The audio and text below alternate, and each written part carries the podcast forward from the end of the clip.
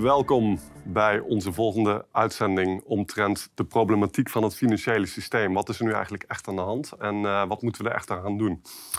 En vandaag gaan we het hebben over libertarisme. En dan zal ik zo dadelijk even uitleggen waarom, uh, waarom we het daarover gaan hebben en waarom dat zo'n cruciale thread is om even goed te analyseren. En dan de volgende keer gaan we spreken over wat er dan wel moet gebeuren om uh, het financiële systeem te hervormen en, ons geld te hervormen eigenlijk. Want het financiële systeem is niet te hervormen. Dat kan alleen uh, beëindigd worden en vervangen worden door een totaal nieuw systeem. Maar um, vandaag gaan we het dus hebben over libertarisme. En um, een klein stukje achtergrond. Um, toen ik begon met bloggen, dat was zo'n beetje rond 2009, 2010 toen was, uh, ik had daar verschillende doelen mee. In de eerste plaats uh, het, uh, invoegen van woeker, usury, als een cruciale thread in de truth movement. Want ik, ik, ik heb altijd voor de truth movement geschreven, nooit voor uh, mainstream bronnen. En ehm, woeker was totaal was een non-item in die tijd. En ehm, mijn blog Real Currencies was ja, heeft, heeft, dat, heeft dat thema toen heel nadrukkelijk op de agenda gezet. En het tweede, het tweede grote doel was Um, dat ik zag dat in de Truth Movement, die er toen was, hè, dat is allemaal een beetje ondergesneeuwd geraakt sinds Trump. Maar uh, voor 2016 had je de Truth Movement, naar aanleiding van de 9-11-situatie. En uh, wat, wat, wat, mij daarbij heel erg opviel, was dat de um, monetaire situatie rondom bankieren geframed werd als fiatgeld versus goudgeld. Toen wist ik allemaal nog niet precies wat ik nu wist. Maar wat ik wel wist, uh, en dat wist ik vanuit uh, bronnen van de patriotten in de Verenigde Staten, de echte patriotten, de populisten. En uh, dat de huidige fiat-constructie uiteindelijk vervangen zou gaan worden door een goudstandaard. En dat dat ja, de vernietiging van het Westen zou brengen. Dat, dat, dat, heb, ik, dat heb ik heel lang geweten al. En dat was simpelweg een product van, van het feit dat ik ja, het internet uitlas in die tijd, zeg maar. Dus, uh, en bovendien heel veel contact heb met populisten in de Verenigde Staten. Dus ik, ik, weet hoe die mensen denken, de echte populisten. Niet de libertariërs, de echte populisten. En het libertarisme is een, is een ondermijning van de, van de oude populistische beweging in de Verenigde Staten, die altijd heel erg gekant was tegen centrale banken en niet bankieren in het algemeen, want hun, hun zwakte is dat ze blind waren voor woeker, de populisten. Maar um, uh, hun framing van de problematiek rondom ons geld ging altijd om geldschaarste. Wat inderdaad ook een heel ernstige issue is met ons, uh, met ons financiële systeem. Er is altijd te weinig geld in circulatie en dat leidt tot een, een doorgaande druk op, uh, op lonen. En in de Verenigde Staten was er een goudstandaard in de, in de 19e eeuw. In feite tot 19... Tot de oorlog, tot de Eerste Wereldoorlog was er een goudstandaard in de Verenigde Staten. Was wereldwijd, uh, toen de tijd was de pond nog de, de internationale reservemunt. Dat was een, uh, een gouden munt. En de Verenigde Staten had je toen ook een goudstandaard. En die goudstandaard werd door de populisten gezien als, als slecht voor arbeid. Dus iedereen die produceerde. En uh, daar zijn hele lange politieke gevechten over gevoerd in de Verenigde Staten. Zo, dat was, dat was al, gedurende de hele 19e eeuw was dat al gaande. Uh, de strijd tegen de centrale bank, bijvoorbeeld Andrew Jackson, de, de president die uh, op zijn sterfbed zei van I killed the bank. Een hele beroemde man en een, uh, een enorme inspiratie voor iedereen die tegen de nieuwe wereldorde is.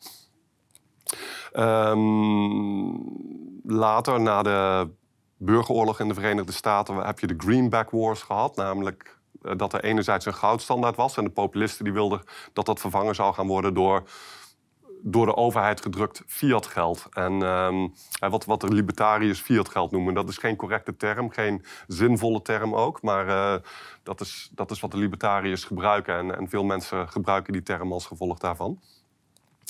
Maar de, de, strijd tegen de goudstandaard was dus een, een, cruciaal politiek thema in de Verenigde Staten gedurende de hele 19e eeuw en zeker vanaf de burgeroorlog tot en met zeg maar de Eerste Wereldoorlog. En daarna begon het begonnen politieke discussies waar te verschuiven. Ook zeer zeker onder de eh, invloed van de media van de bankiers. Want de media is in handen van de bankiers. Hè. Dus, um, maar dat was in de Verenigde Staten dus echt een kernthema. Aan libertarisme heeft als, heeft als een van de hoofdfuncties ervan is om dat populisme, dus het terughalen van de geldverschaffing naar de overheid en het, en het drukken van goedkoop overheidsgeld, om die discussie te ondermijnen. Dat is een cruciale functie van libertarisme. En, en om dat te vervangen met propaganda voor de goudstandaard. Um, dus, uh, en en, en dit, dit, dit is dus een stukje achtergrond en dit is heel belangrijk om te weten. Want ik zag dus deze discussie in zo rond 2009, 10, 12, 14 zeg maar, in de Truth Movement. En die wilde ik aangaan. En um, dat was een kerndoel van mijn blog. En is, is en blijft een kerndoel van mijn blog. Want ik waarschuw nu al ruim tien jaar voor de komende, de, voor de komende terugkeer van de goudstandaard. En hoe desastreus die zal zijn voor het Westen. En wat er toen gebeurde is dat ik in een... Uh, ja, ik begon daarover te schrijven, zeg maar. En in het begin uh, zonder, ja, zonder dat dat heel veel impact had. Maar al gauw begon het wel degelijk impact te krijgen. En ik raakte in een hele hevige polemiek terecht. Met uh, uiteindelijk eigenlijk alle libertarische voormannen. Dus Gary, uh, Gary North, Tom Woods. En ook heel erg belangrijk, The Daily Bell. En The Daily Bell was in die tijd een, ja, een commerciële outlet die gerund werd door een, uh, door een investeerder. Want het waren investmentbankers die daarachter zaten. Dat is dat is overigens de norm in de libertarische media. Overal zitten investmentbankers achter. Bijvoorbeeld ook Zero Hedge.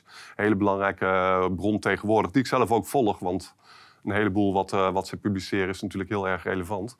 Maar is, um, wordt gerund door een stelletje Wall Street bankiers. Dus dat is altijd wel goed om even in gedachten te houden um, bij dit soort zaken.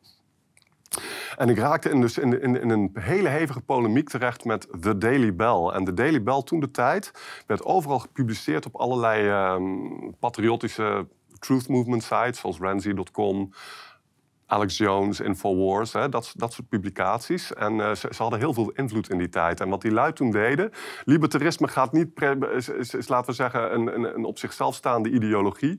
Het is niet één op één met de Truth Movement. Het is alleen binnen de Truth Movement heel lang heel invloedrijk geweest. En libertarisme probeerde dus, uh, of eh, de, de, de Daily Bell probeerde libertarisme zodanig in te passen dat het een oplossing kon zijn voor het conspiracy-denken, wat er dus uit de Truth Movement kwam. En nogmaals, het conspiracy-denken gaat er dus over dat er een, een achterliggende macht is achter de schijnbare realiteit van concurrerende natiestaten. En dat dat die achterliggende macht is die naar wereldregering aan het tenderen is. En um, ze waren daar heel succesvol in. En ik las zelf ook veel van hun berichten. En ik, waardeerde ze ook, want het waren, het waren, hele slimme jongens namelijk. En het waren vier elves, wat ze noemden elves. Ze noemden zich elven. Uh, die in Zwitserland zaten. En die waren dedicated bezig met de hele tijd uh, produceren van libertarische propaganda, afgestemd op de Truth Movement. En met die lui kwam ik in een hevige polemiek terecht. Die de hele, de hele truth, truth Movement doorging. En die ook gepubliceerd werd doorgaand op henrymacau.com. Wat natuurlijk een hele belangrijke conspiracy site is. En, uh, en zeker in die tijd, toen was Henry op zijn hoogtepunt. Uh, het is nog steeds een belangrijk blog, maar uh, toen was hij echt op zijn hoogtepunt. En... Um, en dat was een keiharde aanval op, uh, op het libertarisme waar, het, waar dat op neerkwam. Want uh, ik kwam echt vanuit hoe bestrijd je bankieren? En dat is ook wel even belangrijk om te zeggen. Bankieren is niet iets wat hervormd kan worden. Bankieren kan alleen maar winnen of beëindigd worden. Bankieren kan niet beter gemaakt worden of zo. Bankieren is bedoeld om ja, macht te concentreren en rijkdom te concentreren zonder daar iets tegenover te stellen. En ja, dat is gewoon onacceptabel. Dus uh, de, de, enige oplossing voor bankieren is het te beëindigen. En um, dit is een hele grote, uh, dit is een hele grote, um, een hele andere perspectief, zeg maar, dan waar het meestal over, uh, over gaat in monetaire hervorming, ook als het gaat om libertarisme. Namelijk dat bankieren hervormd moet worden. En dat finance, financiën, dat dat... Um, dat er corruptie is in financiën en daar moeten we iets aan doen. Maar, maar het is heel eenvoudig. Financiën is zelf corrupt. Bankieren is corrupt. Bankieren is rentedragend lenen. En, en, en dat is de kernziekte. En ja, dat, uh, dat, is waar ik vandaan kom. En uh, die polemiek, uh, nogmaals, die ging dus inderdaad de hele wereld over. En ik zal jullie hier een lijst laten zien. Uh, ja, met, met de artikelen. En die kun je vinden op mijn website. Dat zal ik je hier even laten zien. Hier zie je pages staan aan de rechterkant uh, van de. En daar staat Faux Economics. En daar kun je deze hele lijst vinden.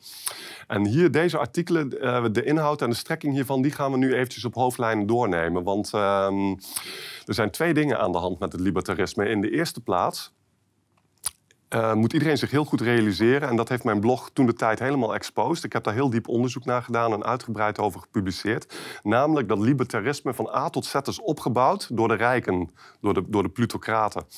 En uh, daar zijn miljarden in gegaan. En libertarisme wordt. Uh, de, er zijn duizenden tanktanks, denktanks wereldwijd.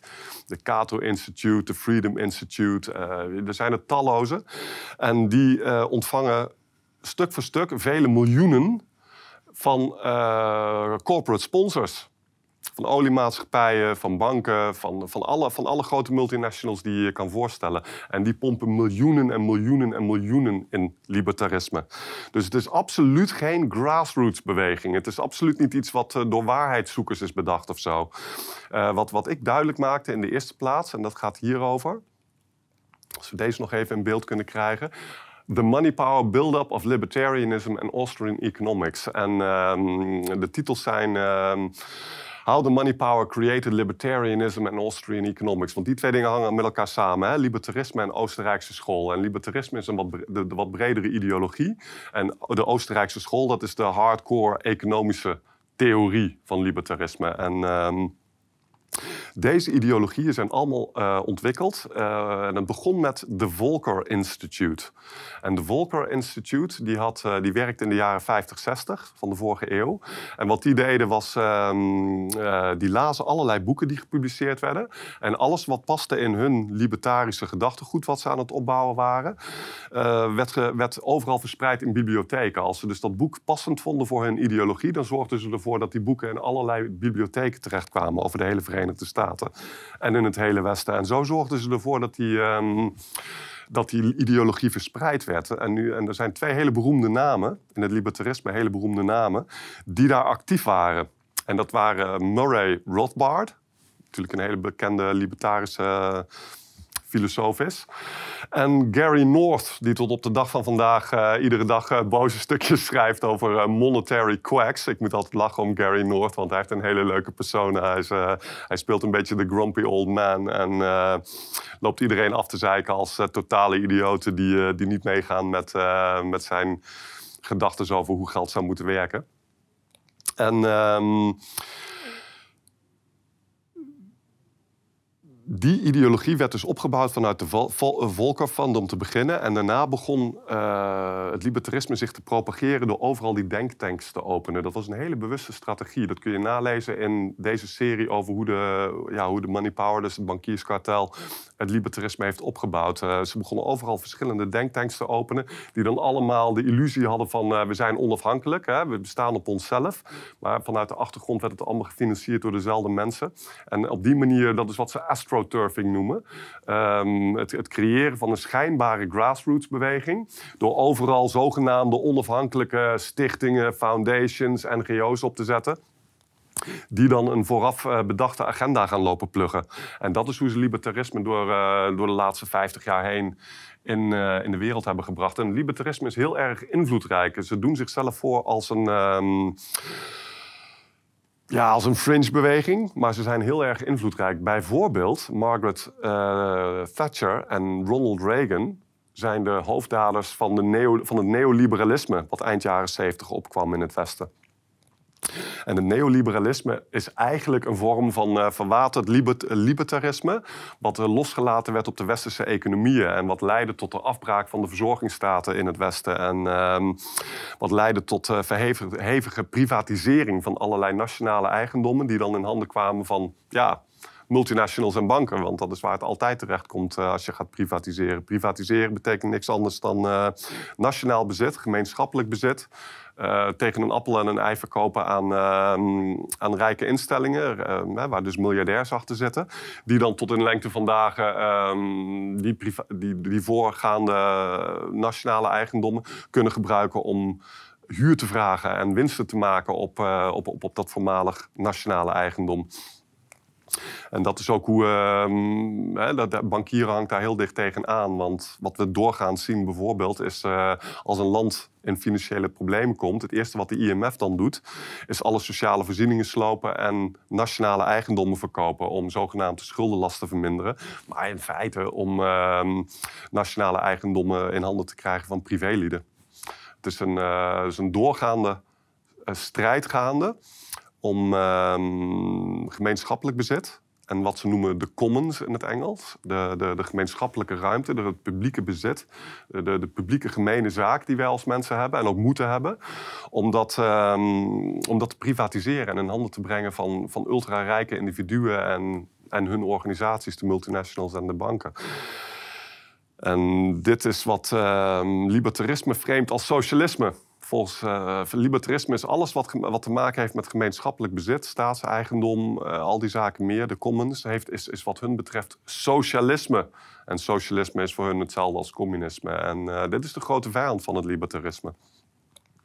Dus libertarisme, uh, wat hier heel duidelijk uit wordt, is dat libertarisme dus in hoge mate deze privatisering en deze onteigening van de volkeren, want dat is wat het, uh, wat het in werkelijkheid is, om dat dus te verkopen als uh, free market, kapitalisme en the way to go.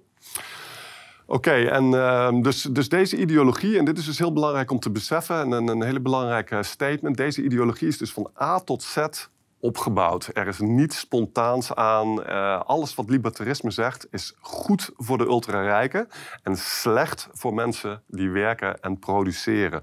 Dat is een heel, heel belangrijke stelling hier. En, en dat is wat waar, waar, we niet van uit moeten gaan. Dat hebben we uitgebreid bewezen in, uh, in de artikelen die ik hier, die, die ik hier heb laten zien.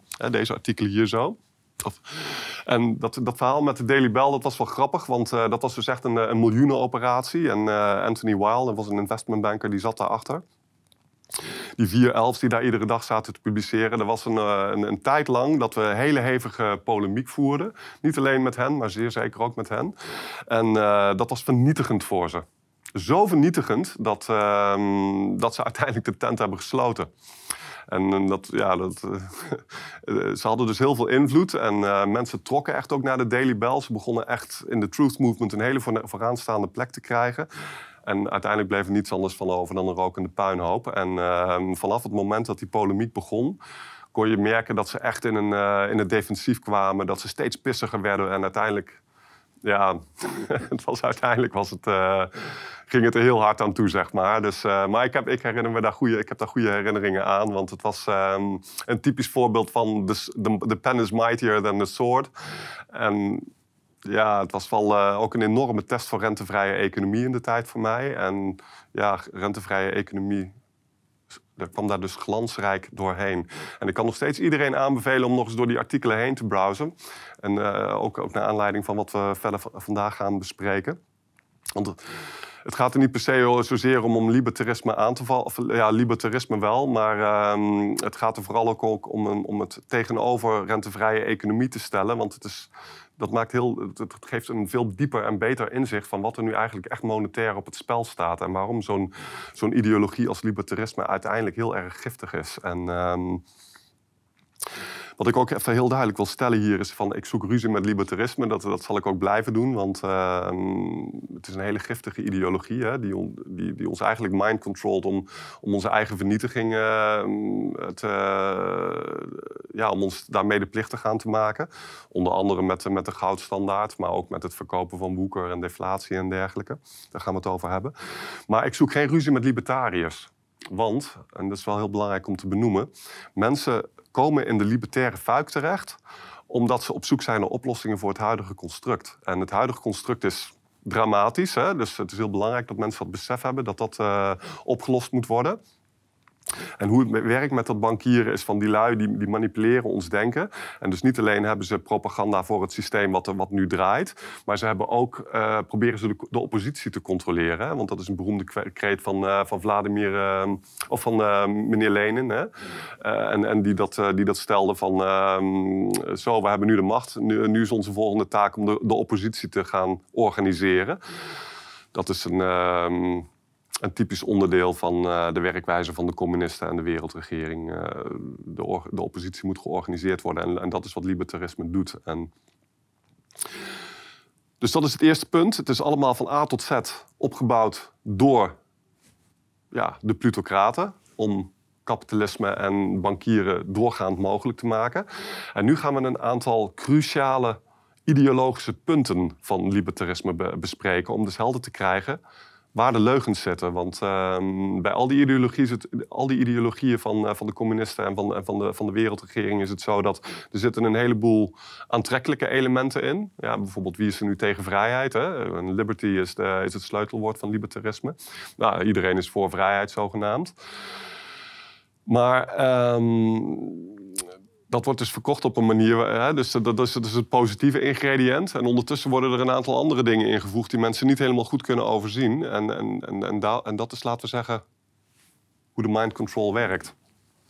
Dus wat zijn nu eigenlijk die, die, die belangrijke issues met het libertarisme? Um, of nog heel eventjes, eh, nog heel eventjes kort ingaan op, uh, op, op, op de discussie die toen speelde. Eén een voorbeeld is And the Fed. Dat is een van die grote kreten van de libertariërs. Tom Woods bijvoorbeeld, die heeft het daar continu over. And the Fed. Ron Paul had het daar veel over in de tijd. En ik heb dus een artikel hier staan. Uh, And the Fed, Destroying the Truth Movement from Within. Oh, pardon. Waarom gaat dit nu mis? Oh ja, dit is hem. Dit artikel kan ik eh, echt aanbevelen. Dit is een, ehm, ja, een goede samenvatting van wat er toen de tijd op het spel stond. Maar wat zijn nu die issues met dat libertarisme? En die ga ik uh, puntsgewijs eventjes bespreken aan de hand van de artikelen die we hier zien. Eentje ervan is, wat ik hier heb genoemd, Libertarianism's main fault, blaming the state while ignoring the money power. En de money power, even voor jullie uh, informatie. Money power is hoe de oude Amerikaanse populisten de money trust noemen. Het, uh, het bankierskartel noemen. Dat is, ze noemen dat de money power. Dat is een, uh, een oude kreet die in, de jaren, die in de 19e eeuw al heel populair was onder de, onder de populisten in de Verenigde Staten. En ja, ik, ik, gebruik die ook graag. Een man als Michael Hoffman heeft het ook over de money power. Het is een, het is een goede kreet, want ja, alles draait om het geld. En degene die het geld controleren, en dat is de money power, dat zijn de bankiers. En libertarisme, hè, dat is een bekend gegeven van het libertarisme. Libertarisme uh, wijdt alles aan de staat. Volgens het libertarisme worden al onze problemen opgelost als we een vrije markt voor alles hebben. En als de staat geen invloed uitoefent op die vrije markt. En dan uh, zeggen zij dat uh, human action, dus het menselijke initiatief, zal dan maken dat alle, uh, alle, um, alle oplossingen, dat alle um, problemen zullen worden opgelost door, door, menselijke creativiteit in de vrije markt. En zij zeggen dat de overheid, die, is, die, die houdt dat allemaal tegen. En de overheid uh, zit achter alle monopolies en dat, dat soort zaken, zeggen zij. Die echt ook zeer zeker niet kloppen hoor. Want monopolies komen uit de markt en niet per se uit de staat. Tuurlijk heeft de staat ook zo zijn eigen monopolies. Bijvoorbeeld die publieke voorzieningen waar we het over hebben. Waar het libertarisme dus zeer sterk tegen gekant is. Die willen geen publieke voorzieningen. En uh, zij, zij wijten alles aan de staat. Maar wat ik u de vorige keer al heb verteld, is dat uh, de kern van het conspiracy-denken, van, van, van het complottheorieën, is dat er een, een, een, verborgen macht is achter de schijnbare willekeurige concurrentie van natiestaten. Dat is de essentie van het samenzweringsdenken. En um, dat zijn de banken. Hè? Dat, dat is wat ik de vorige keer inzichtelijk heb gemaakt. Of in ieder geval is de bank hun primaire machtsbasis. Dat is, dat is het minste wat je ervan moet zeggen. En die macht wordt dus genegeerd uiteindelijk door het libertarisme. Het libertarisme ziet de staat als het hoogste in, uh, in, het, in, het, in, in, de hele machtsconstructie. En vindt dat de staat die positie moet opgeven. En, en, en, en dat dat is wat de menselijke progressie tegenhoudt. Maar wij zien dus in de, in de Truth Movement zien we een, een piramide. En dat is deze piramide. En aan de top van die piramide, hier staat de uh, Real Health Angels. En wie zijn dat? De eigenaren van de Federal Reserve Bank. En dat, zou, dat, dat kun je dus framen als hè, de, degene die achter het bankierskartel zitten. En zij staan boven de, boven de staat. En dat hebben wij inzichtelijk gemaakt de vorige keer door simpelweg te stellen dat de inkomen van het bankierskartel, de Woeker alleen, vele malen groter is nou ja, vele malen, vijf keer zo groot is als uh, het inkomen van de federale overheid in Washington. En dat de federale overheid in Washington um, uh, 130% van het BBP in het krijt staat bij de bank. En dat het, dus, dat het dus evident is dat de bank boven de federale regering staat. Dus de, de bank die bepaalt wat er gebeurt in Amerika en in het hele Westen en overal in de wereld. Niet overheden. Dus dat is een enorme afleiding van het libertarisme. Het libertarisme doet daar enorm. Uh, dat is gewoon een leugen van het libertarisme. En ook heel erg strijdig met ja, waar de Truth Movement over gaat. Hè? Want dat is tenslotte uh, het complotdenken. Hè? Die, die gaan uit van die, van die achterliggende macht. Dus, uh, dus dat is een heel belangrijk punt waar het misgaat met het libertarisme. Het is niet de staat die de schuld is. Het is staat is problematisch. Hè? Het libertarisme heeft echt wel goede kritieken op de staat. Bijvoorbeeld allerlei regelgeving is inderdaad uh, bereikt juist precies het tegenovergestelde wat het zogenaamd uh, geacht wordt te bereiken. Dat is, dat is gewoon aan de orde. Ook libertarische ehm, kritieken van subsidies zijn terecht. Bijvoorbeeld, een heel simpel voorbeeld. Libertarisme zegt terecht dat huursubsidie niet, ehm, dat dat vooral leidt tot hogere huren. En dat is inderdaad ook zo. Als mensen meer huur kunnen betalen, ja, dan gaan de huren stijgen. Zo simpel is het. Want het is allemaal een kwestie van vraag en aanbod. En uh, huursubsidie moet dus niet gezien worden als uh, het helpen van huurders. Het is eigenlijk een subsidie van, huur, van huisbazen. Dat is wat het eigenlijk is. Dus, uh, dus daar heeft libertarisme gelijk in. Maar uh, dat zijn kleinere punten. En uh, de hoofdpunten zijn uh, het, het, gif wat daarmee verkocht wordt, met dit soort goede kleinere punten, is, is ernstiger. En, en, dit is dus een heel, heel cruciaal aspect. En dit cruciale aspect um, vertaalt zich ook in een ander verhaal wat, wat, wat, steeds terugkwam, namelijk um, de noodzaak tot monetaire hervorming op staatsniveau. Want de situatie is nu dus zo dat wij denken, de meeste mensen denken dat de overheid over de geldverschaffing gaat en dat de overheid over het monetaire systeem gaat. Maar dat is dus niet zo. Banken gaan over het monetaire systeem en zijn het monetaire systeem. En centrale banken zijn geen onderdeel van de staat, maar primair onderdeel van het bankierskartel en zijn ook opgericht door het bankierskartel en niet door de staat. En waar het dus om gaat, is dat um, een van de kerndingen die steeds terugkomt in allerlei monetaire hervormingsprogramma's, dan niet het libertarisme, want dat is dat, dat zie ik als de rechterkant van het uh, monetaire hervormingsdebat. Je hebt ook een linkerkant, uh, waar het veel meer gaat over monetaire hervorming. Uh, meer, meer positieve vormen van de monetaire hervorming, laten we het daar maar op houden. Maar die zijn allemaal gelinkt aan dat de overheid de geldverschaffing weer terug moet pakken van het, van het bankierskartel. En dit wordt dus weer geframed door de libertariërs ehm, als zijnde socialisme. Want dat is, hè, oh nee, dan zou de staat het doen en de staat is de grote duivel. Maar Libertarisme gaat ook heel erg over decentralisatie. Hè? Een van de dingen die, de, dat zie je ook in de Bitcoin-discussie, dat het steeds over decentraliseren gaat.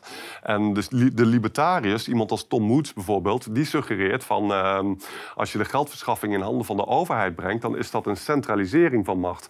Maar wat hieruit blijkt, uit, deze, uh, de, uit dit plaatje, is dat het een decentralisatie is. Want, het, eh, want je decentraliseert het namelijk van het bankierskartel naar de lager liggende overheden. Dat is een heel cruciaal iets. En uh, het is wel degelijk heel erg belangrijk om op landelijk uh, niveau, dat moeten alle volkeren doen, een fatsoenlijk geldsysteem in te gaan voeren. En nogmaals, daar gaan we het de volgende keer over hebben, wat, wat dat dan is, een echt fatsoenlijk geldsysteem. Maar, uh, maar dit is dus een heel, heel, heel, heel cruciale issue in het libertarisme. Dat alles wordt geweten aan de staat, maar de echte achterliggende macht, die wordt buiten beschouwing gelaten. Of in ieder geval uh, suboptimaal geanalyseerd. En het wijten van alles aan de staat is, is een afleiding. Is echt een afleiding, een leugen. En dat wil ik dus nog wel zeggen. Ik, ben dus, ik, zoek geen ruzie met libertariërs. Zeker niet gewoon de mensen die hier naar kijken, zeg maar. Maar uh, de leiders van de libertarische beweging die weten heel goed wat ze, waar ze mee bezig zijn. Zij kennen deze argumenten. En zij zijn ideologisch gedreven. En ze zijn daarbij, en dat, dit is het probleem van ideologie. Als je een ideologie aanhangt, dan hou je op met waarheid te zoeken. Dan ga je proberen die ideologie te verdedigen. En um, dat zie je bij Marxisten. Maar dat zie je ook heel erg nadrukkelijk bij het leiderschap van de libertarische beweging. Zij weten dat hun argumenten niet kloppen. Maar zij, zij verzinnen allerlei listige argumenten om toch in die debatten te kunnen blijven. En dat zeg ik niet vrijblijvend. Dit kan ik keihard aantonen. Ik zal het dadelijk even laten zien in, uh, in een artikel waarin ik daar een heel goed voorbeeld van geef.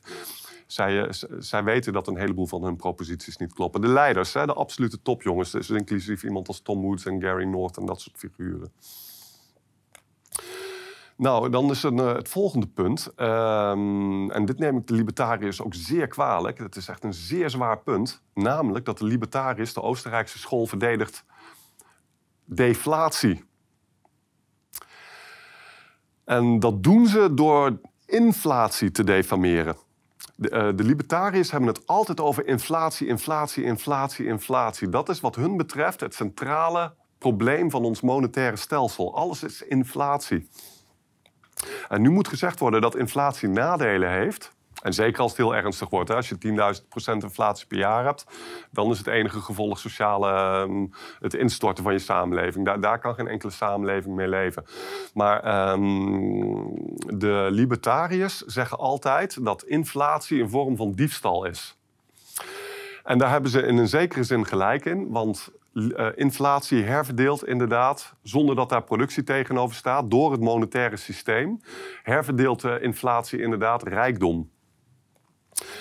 Maar hoe? En een van de dingen van inflatie is dat inflatie maakt schulden minder waard. En dat is een heel belangrijk issue. Dus inflatie herverdeelt van de crediteuren naar de debiteuren. En in feite moeten we zeggen dat dat een hele positieve welvaartsherverdeling is. Want die crediteuren verrijken zich met woeker. En onze schuldpositie wereldwijd is het centrale maatschappelijke thema waar we mee te maken hebben. Er is geen groter probleem in het Westen dan onze schuldpositie. Dat is met afstand, met afstand het grootste maatschappelijke probleem wat we hebben in het hele Westen en ook in China trouwens. En inflatie leidt dus tot daling van de waarde van die schulden. En dat is dus een heel groot voordeel van inflatie. Een ander heel groot voordeel van inflatie is dat het leidt tot economische groei. Als jij een monetaire expansie doet, wat, wat, wat inflatie is, dan is het effect daarvan dat, uh, dat er meer geïnvesteerd wordt, dat mensen geld gemakkelijker uitgeven en het leidt tot uh, meer optimisme bij ondernemers over toekomstige winsten. En dit, leidt, dit alles leidt tot economische groei. En als je gaat kijken historisch, dan zie je dat uh, allerlei periodes van economische groei en eh, ja, en alles wat daarmee gepaard gaat, zowel in het recente verleden als in het lange termijnsverleden, dan zie je dat inflatie, um, dat inflatie en economische groei in hoge mate gezamenlijk opgaan. Dus dat is een heel groot voordeel van inflatie.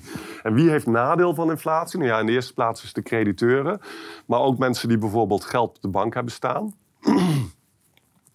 Maar ook dat zijn de rijken, hè? dat moeten we niet vergeten. Wie heeft er geld op de bank staan? De, de, rijkste, de een derde van Nederland ongeveer. En nou wil ik niet iemand die uh, bij de top 30% van Nederland hoort wil ik niet meteen rijk noemen, want dat is gewoon niet zo. Die, die, de meeste van die mensen hebben gewoon een baan. Maar het is wel de bovenste een derde. En de onderste twee derde van Nederland heeft nul spaargeld. Nul. Dus die hebben ook weinig te verliezen van inflatie. Een ander aspect van inflatie is dat als het echte inflatie is, en dat moeten we dus even helder hebben, hè, wat ik de vorige keer ook heb uitgelegd, dat inflatie betekent een groeiende geldhoeveelheid en niet stijgende prijzen. Dat is een, een vervalsing van de betekenis van het woord. Een, een monetaire expansie leidt tot hogere prijzen. Dat is, dat is inderdaad het geval bij inflatie. Maar het, het leidt ook tot een hogere prijs voor, de, uh, voor arbeid. Dus hogere lonen. Dus als jij monetaire inflatie hebt, stel je voor je verdubbelt de geldhoeveelheid, dan zullen de prijzen ook verdubbelen, bruut weg, maar ook de lonen. En als dat, dat het geval is, dat zowel de prijzen voor, goederen als de prijzen van, van arbeid, dus de lonen verdubbelen, dan heeft dat dus het netto-effect van nul op de werkende massa's. Als jij gewoon een baan hebt en je, bent een middelmatig, je puur in de middelmaat top 50, hè, op, op 50% zeg maar, van, uh, van inkomen van de bevolking. En er is een echte monetaire expansie die leidt tot een verdubbeling van prijzen en een verdubbeling van lonen. Dan is het netto-effect van, uh, op jou daarvan nul. Het is alleen dan slecht voor de crediteuren en, uh, en voor mensen die spaargeld hebben. En dat zijn dus de mensen die aan de top van de voedselketen zitten. Dus dit zijn allemaal hele belangrijke en wezenlijke zaken. En in het libertarisme wordt er juist de hele tijd gezegd van... ja, dat is juist zielig voor mensen die weinig geld hebben, de prijzen stijgen. Maar als het echt dus een monetaire inflatie is, een groeiende geldhoeveelheid... dan, dan stijgen de lonen net zo hard. En dan zien we ook op dit moment... Hè, dat uh, op dit moment hebben we te maken met geldbijdrukken door de ECB en dergelijke. Maar we zien dat de lonen veel minder hard stijgen dan de uh, dan die 12% die, uh, van de consumentenprijsindex, die, onlangs uh, die, die, die, inflatie van 12% die onlangs gerapporteerd werd. We zien dat de lonen misschien stijgen met 4% per jaar op dit moment op jaarbasis. 4, 5% relatief veel gezien ons recente verleden. Maar absoluut niet genoeg om de inflatie of om de, om de prijsstijgingen te compenseren. En dat komt omdat die prijsstijgingen slechts in beperkte mate door het geld bijdrukken komen. Dat komt omdat die prijzen stijgen door supply chain eh, situaties. Bijvoorbeeld de situatie in de Oekraïne.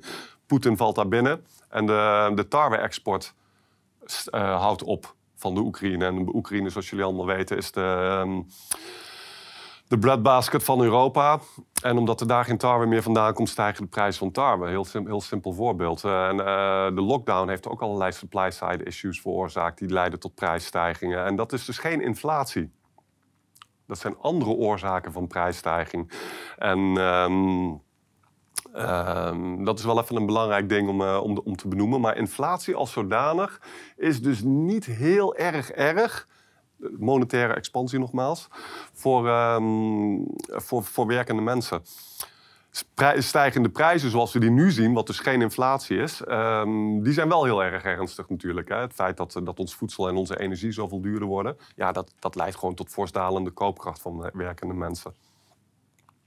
Maar dat, um, dit dus eventjes over inflatie. Maar dit is allemaal om helder te maken dat uh, libertarisme en de Oostenrijkse school defameert heel erg inflatie. En dat doen ze onder andere om daar tegenover te stellen dat die deflatie waar zij voor staan en die zij verdedigen, en dat doen ze heel proactief, om die te verkopen. Maar deflatie is zeer veel ernstiger voor de grote massa dan inflatie. Want deflatie leidt tot economische crises.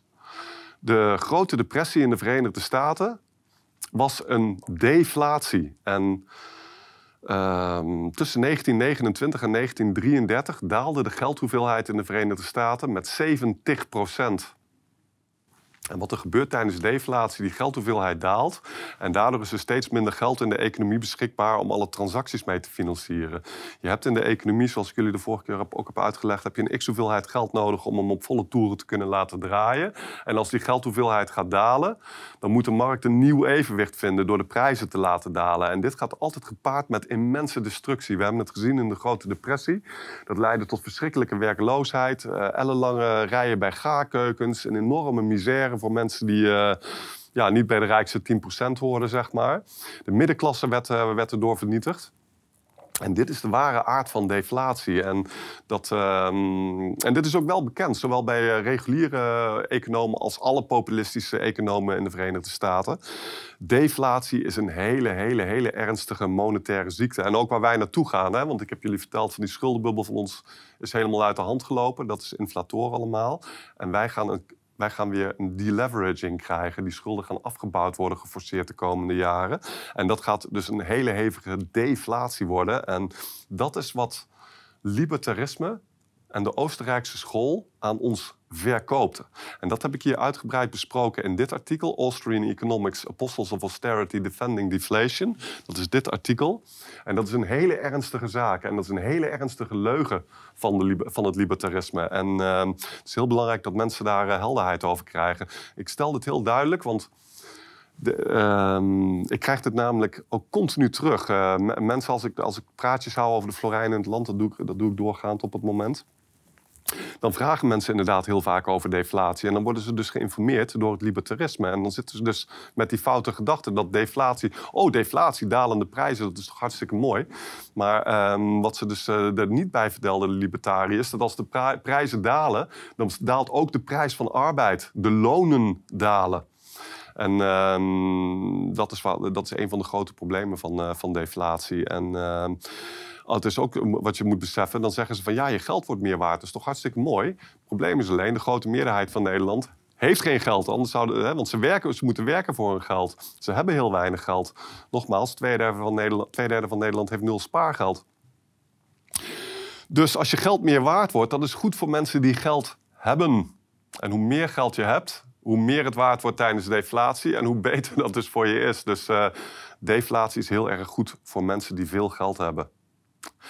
Deflatie leidt ook tot een toenemende waarde van schulden. We hebben al gezien dat met inflatie daalt de waarde van schulden. Want de waarde, de waarde van geld daalt tenslotte tijdens, uh, tijdens inflatie als de prijzen stijgen.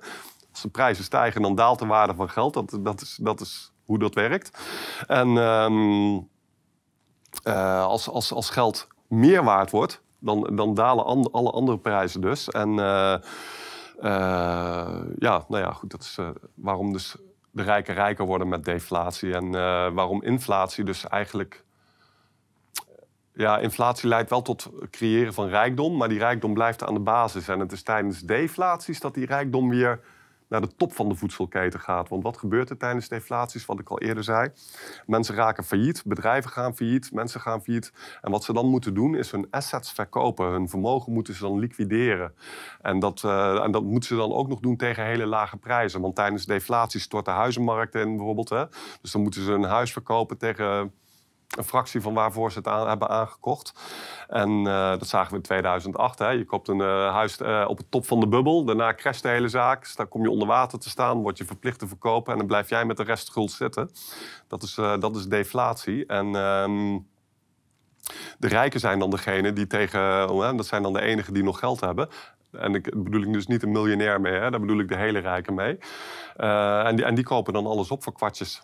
Dat is, dat is wat er gebeurt tijdens deflaties. En uh, wat ook heel erg belangrijk hierbij is, is om de link uh, naar goud hierbij te leggen. Want, wat heb ik jullie ook eerder genoemd, de, uh, bank, de banken gebruiken dit fiat-geldsysteem wat we nu hebben. Fiat-geldsysteem, het is een libertarische kreet, maar ik gebruik hem even voor het begrip. Het, het, geld bijdrukken, zeg maar, en het creëren van geld door schuld. Fiat-geld, wat noemen ze dat? Uh, dat, dat? Dat leidt tot inflatie, daarmee creëren ze inflaties.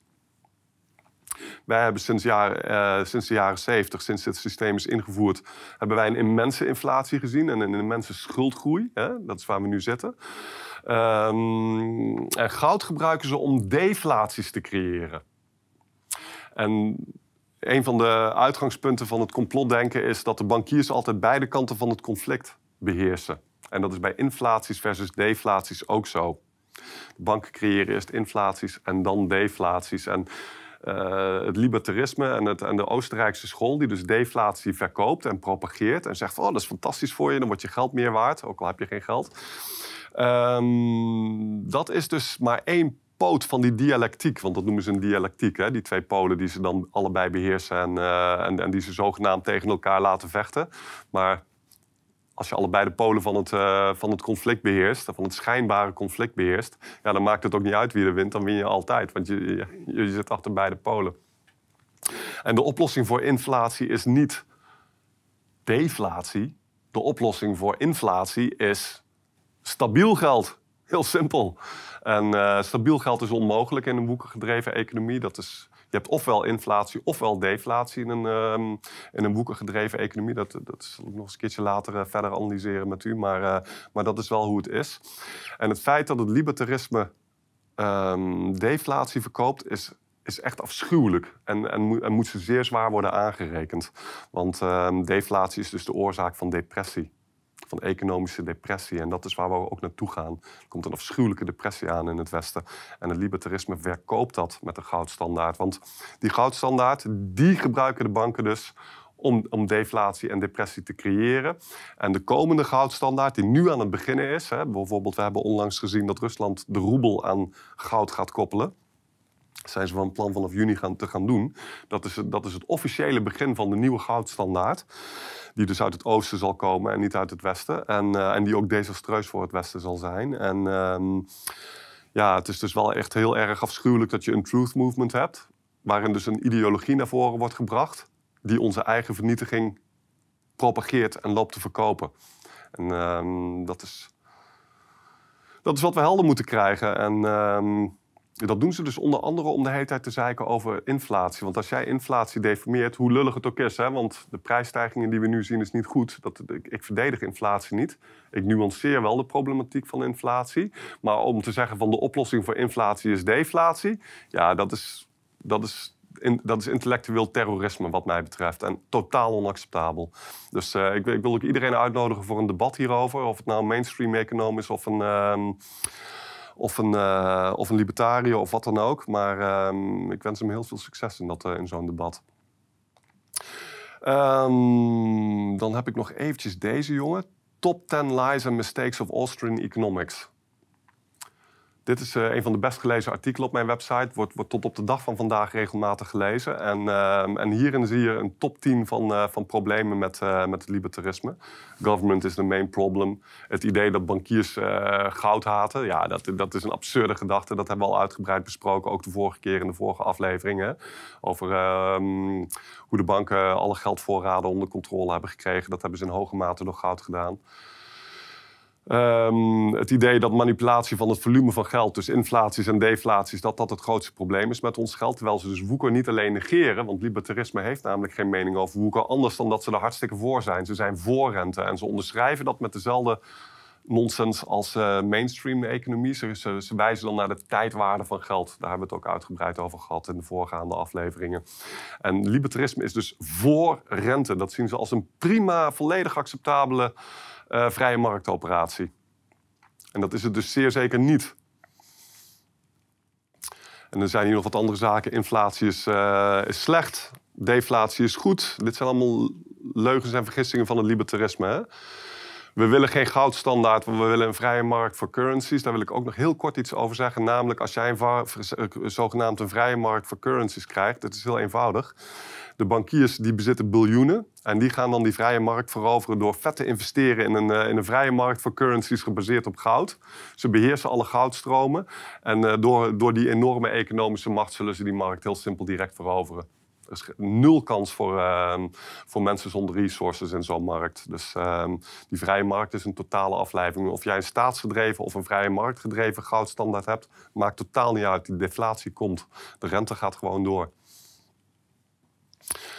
Um, nou ja, dit kunnen jullie verder nog even goed bekijken. Maar, um, maar dit is dus in ieder geval. Uh, dit, dit zijn de top 10 problemen van, uh, van het libertarisme. En het belangrijkste wat ik dus wil melden is van dat libertarisme de staat als vijand overschat. Het bankierskartel als oppermacht in de achtergrond negeert. Woeken propageert. Deflatie propageert. De komende goudstandaard propageert.